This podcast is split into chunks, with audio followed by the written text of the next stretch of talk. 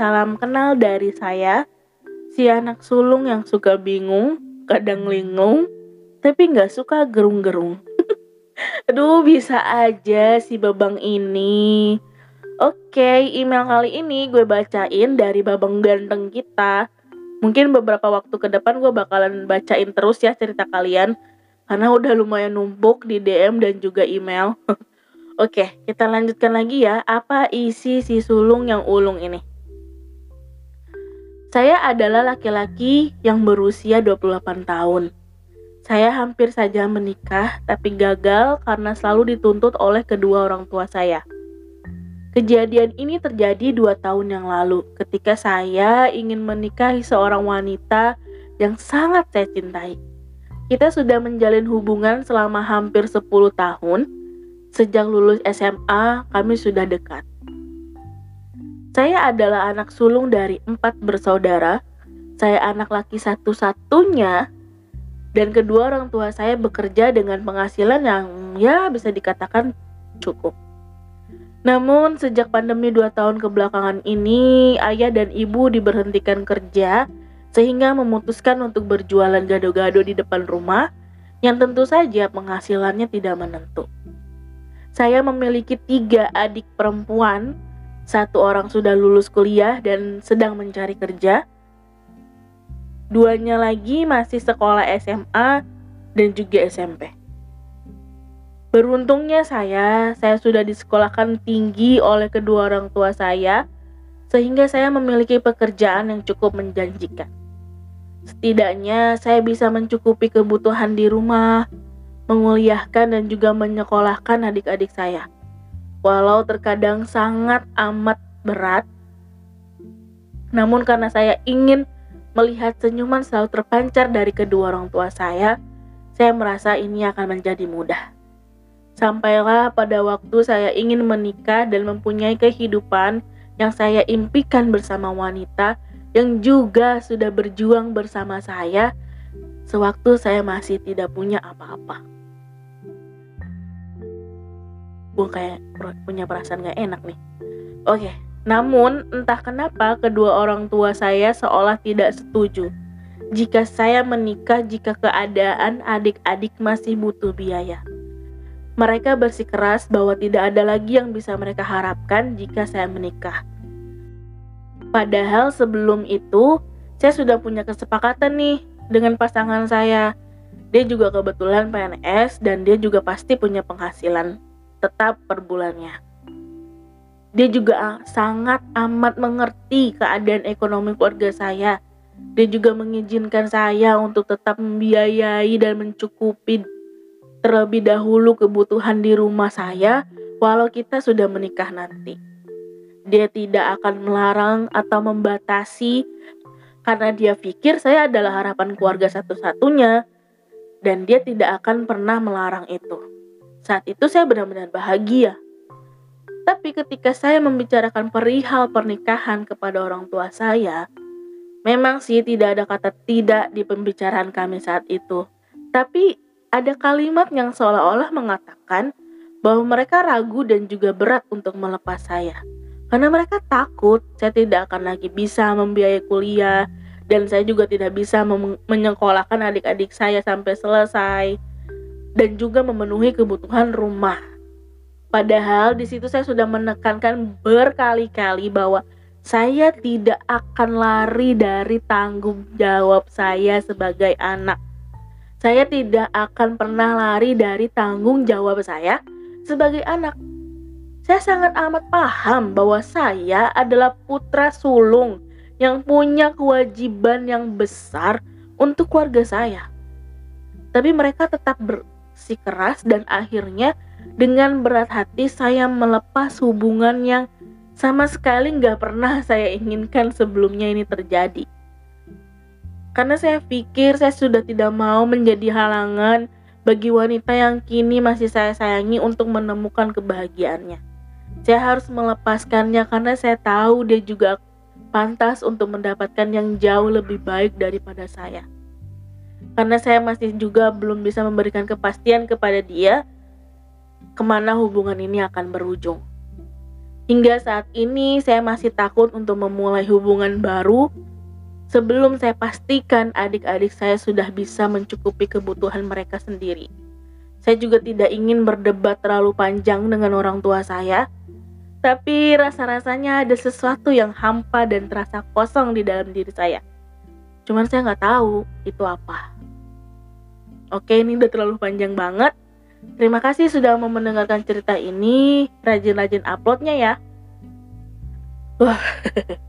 Oke, hai Abang Ganteng. Iya, terima kasih ya sudah mau berbagi cerita di sini dan juga mengizinkan saya untuk upload ini di podcast. Karena setahu saya ya, setahu saya anak sulung atau anak pertama itu paling sulit mengungkapkan perasaan. Entah itu bagi dia sulit atau rasa-rasanya tuh nggak diperlukan yang jelas anak pertama itu adalah anak yang hebat dalam menyembunyikan rasa yang sedang ia rasakan. Karena yang mungkin ya, mungkin dia tidak ingin sekelilingnya khawatir atau tahu gitu ya. Jadi mau itu asam, pahit, pedas ya simpen. Tapi kalau manis tuh biasanya mereka suka bagi. Bener gak nih? So, wahai anak sulung yang ulung dalam segala hal dan bidang, sini ngumpul-ngumpul-ngumpul. Peluk bangga untuk diri kalian sendiri karena kalian udah begitu hebat banget jalanin kehidupan yang gak setiap orang bisa jalaninnya.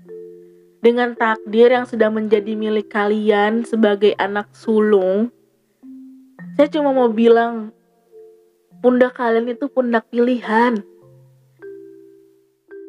Pundak pilihan yang udah Tuhan sisipkan beberapa kekuatannya sekuat baja, ketangguhannya sebesar semesta, dan itu luar biasa banget.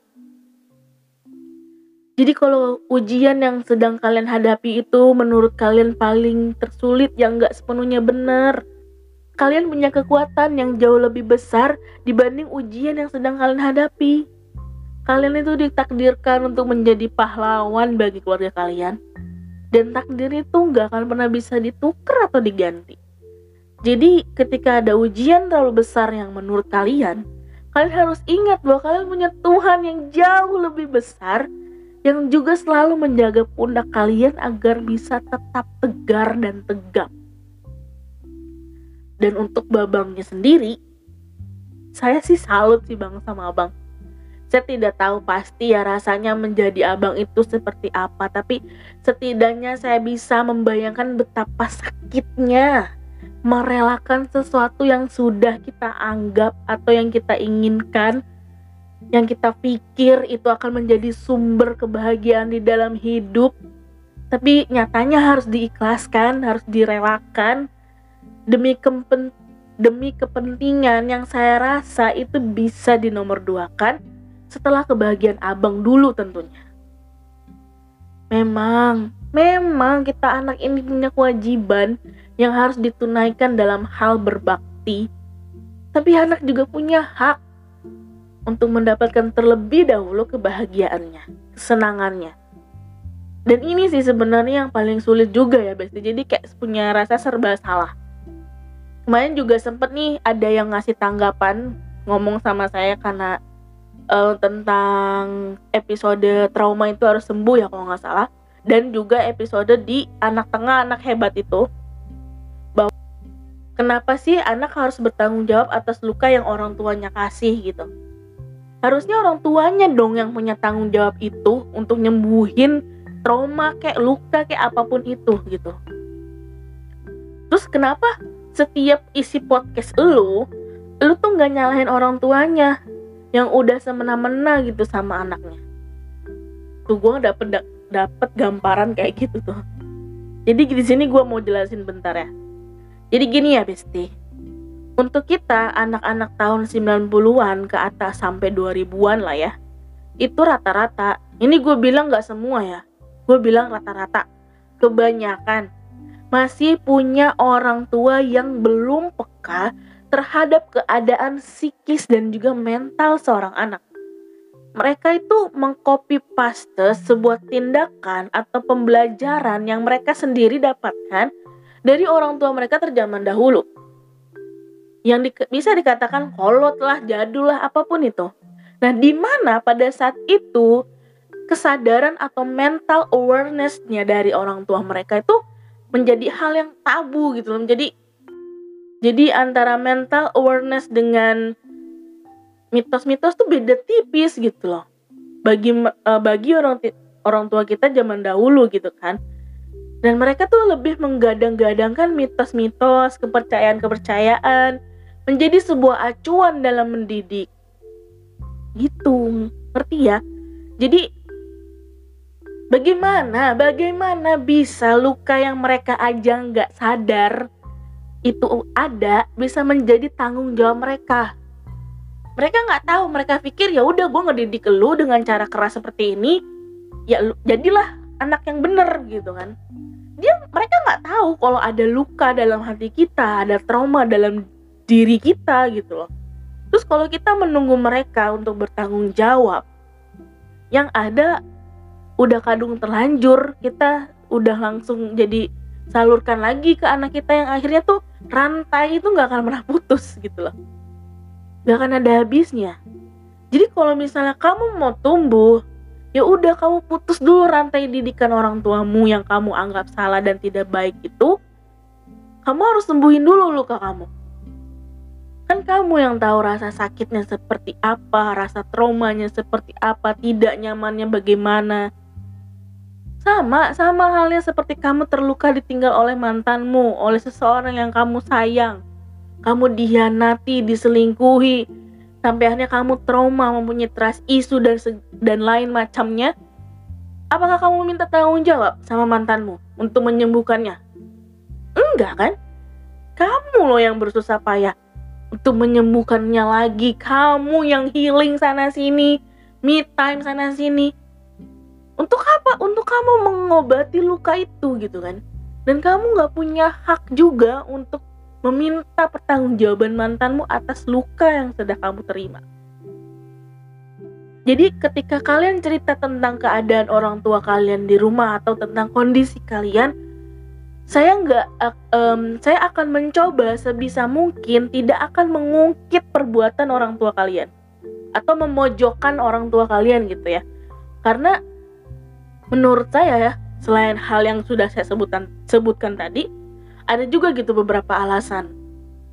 Ada gimana ya jadi gue ini sekarang saya ini sedang berada di titik melihat sudut pandang tuh dari berbagai arah gitu loh.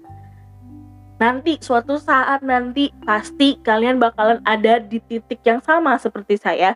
Ketika kalian melihat sudut pandang itu nggak cuma dari sisi kalian aja tapi kalian bisa melihat sudut pandang itu dari kejauhan kalian bakalan ngerti apa yang sedang saya omongin sekarang. Jadi gue nggak um, saya nggak mau memojokkan orang tua kalian.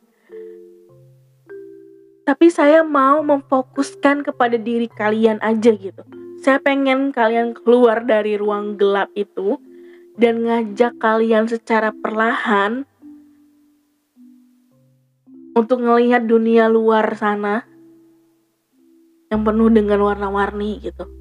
Jadi saya nggak akan pernah mau lagi nggak um, akan pernah mau menyalahkan orang tua. Karena gini ketika lu udah sembuh ketika lu sudah bisa mengatasi trauma lu ketika lu bisa menyelaraskan antara hati pikiran emosi semua it, um, lu bakalan bisa punya keberanian untuk ngomong sama orang tua bahwa mah pah ya bu mak pak I have trust issue, I have trauma.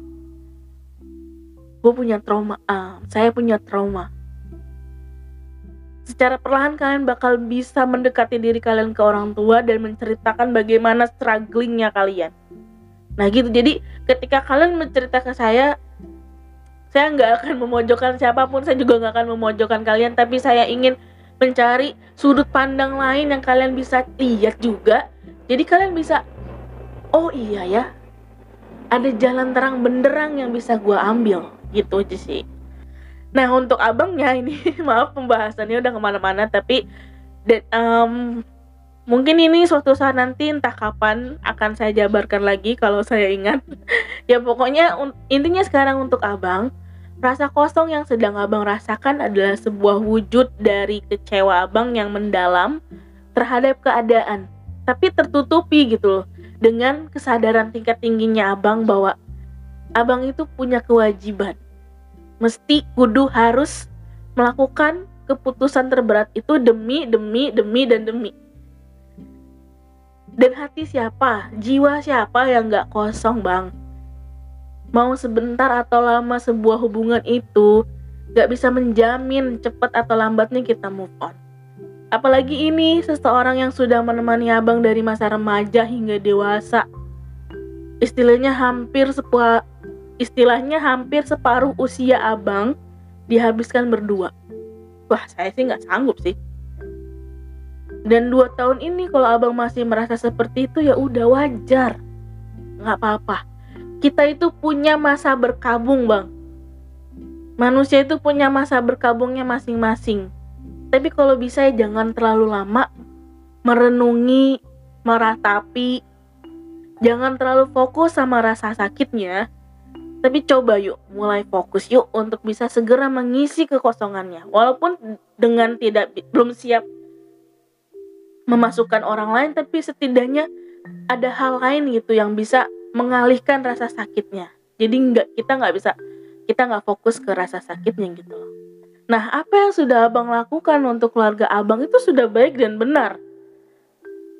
Itu memang patut um, uh, diancungi jempol. Tapi sekarang yuk kita priori kita prioritaskan dulu kebahagiaan diri kita dibanding orang lain supaya apa? Supaya kita bisa lebih mener supaya kita bisa lebih menebarkan kebahagiaan yang sesungguhnya ke sekeliling kita. Nanti jika suatu saat nanti Tuhan hadirkan kembali seseorang, ya udah Abang cukup buatkan surat di atas di atas materai atau kalau bisa ke notaris, datangkan saksi atau apa pun. Buat surat yang berisi tentang perjanjian bahwa Abang tidak akan lari dari tanggung jawab Abang dalam menafkahi keluarga Abang sampai ya tentu kan sampai kapan. Dan ini perlu loh guys, bener. Karena kebahagiaan kalian itu penting dan mungkin untuk jaminan kebahagiaan itu atau resiko yang harus kalian ambil dalam menghadapi men, resiko yang kalian ambil untuk mendapatkan kebahagiaan itu adalah sebuah langkah yang gak masuk akal yang seperti saya sudah bilang ini ya nggak apa-apa. Ini bisa terjadi dengan siapa aja selain abang ini gue yakin pasti. Jadi nggak apa-apa bang tentukan sampai kapan abang uh, atau sampai kapan maunya orang tua abang membiayai keluarga abang gitu ya? Mungkin kalau biaya adik-adik ya setidaknya sampai bisa sampai mereka bisa mandiri lah ya. Terus kalau sama orang tua ya udahlah. Kalau anak kalau adik-adik abang udah mandiri kan ya sekarang uh, sisanya setelah abang mau ngasih berapa kan? Itu juga merupakan bentuk kita rasa terima kasih kita walau itu rasanya nggak pernah bisa dibayar tapi setidaknya itu kan bentuk terima kasih kita kepada orang tua. Oke bang? Ya abang itu pantas bahagia. Cari kebahagiaan abang sendiri. Sudah cukup memprioritaskan orang lainnya. Oke? Pasti bisa dan ini terdengar klise tapi semangat! Semoga kamu sembuh supaya kamu tumbuh. Oke? Bye